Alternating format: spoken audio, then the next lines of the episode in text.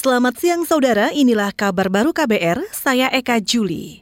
Komisi Nasional Hak Asasi Manusia atau Komnas HAM menjadwalkan pemeriksaan terhadap para ajudan dari Kadif Propam Polri nonaktif Ferdi Sambo. Pemeriksaan dilakukan untuk melengkapi penyelidikan kasus tewasnya Brigadir Nopriansah Joshua Huta Barat atau Brigadir J Komisioner Komnas HAM Hoirul Anam berharap semua ajudan bisa memenuhi panggilan, termasuk Barata E. Dari pagi sampai selesai adalah memanggil untuk meminta keterangan semua uh, eh, ADC dari Irjen Sambu. Termasuk berada, berada E? Semuanya. Dan kami berharap semuanya bisa datang ke Komnas HAM memenuhi uh, permintaan keterangan tersebut. Itu tadi Komisioner Komnas HAM Hoirul Anam. Dari rilis yang diterima KBR, Permintaan keterangan terhadap ajudan Ferdi Sambo diagendakan mulai pukul 10 pagi. Setelah pemeriksaan selesai, Komnas HAM akan menggelar konferensi pers.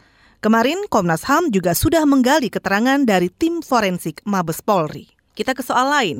Rapat gabungan pimpinan MPR dengan fraksi dan kelompok Dewan Perwakilan Daerah atau DPD sepakat membentuk panitia ad hoc Pembentukan ini untuk menindaklanjuti rancangan substansi pokok-pokok haluan negara atau PPHN. Rancangan itu merupakan hasil kajian dari Badan Pengkajian MPR. Dikutip dari Antara, Ketua MPR Bambang Susatyo mengatakan panitia ad hoc merupakan alat kelengkapan MPR yang akan mempersiapkan rancangan PPHN.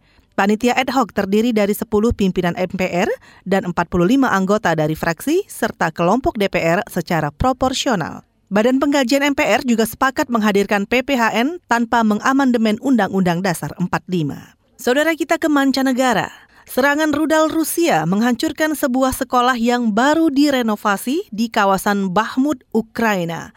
Selengkapnya disampaikan Rifan Dwi Astono dari VOA. Inilah berita dunia VOA Washington bersama saya Rifan Dwi Astono. Kepolisian Nasional Ukraina pada hari Senin merilis video yang menunjukkan sebuah sekolah di kota Bakhmut di wilayah Donetsk yang dikuasai Ukraina dalam kondisi hancur setelah dihantam serangan rudal. Serangan itu terjadi pada hari Minggu dini hari, membuat sekolah tersebut tak lagi bisa digunakan. Juru bicara kepolisian mengatakan tidak ada korban luka karena tidak ada orang di sekolah ketika serangan terjadi. Seorang warga setempat yang tidak bersedia menyebutkan namanya mengatakan kepada polisi bahwa banyak warga lokal membantu membantu membersihkan puing-puing dari apa yang sempat menjadi sekolah unggulan di mana semua peralatannya baru karena baru direnovasi.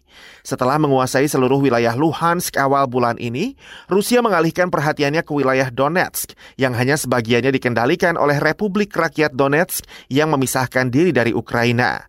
Meski belum ada serangan skala besar yang diluncurkan, pertempuran dan penembakan secara sporadis dilakukan di berbagai area, di mana Kiev mengklaim pihak Rusia sedang mengumpulkan kekuatan untuk mencaplok wilayah yang diperebutkan.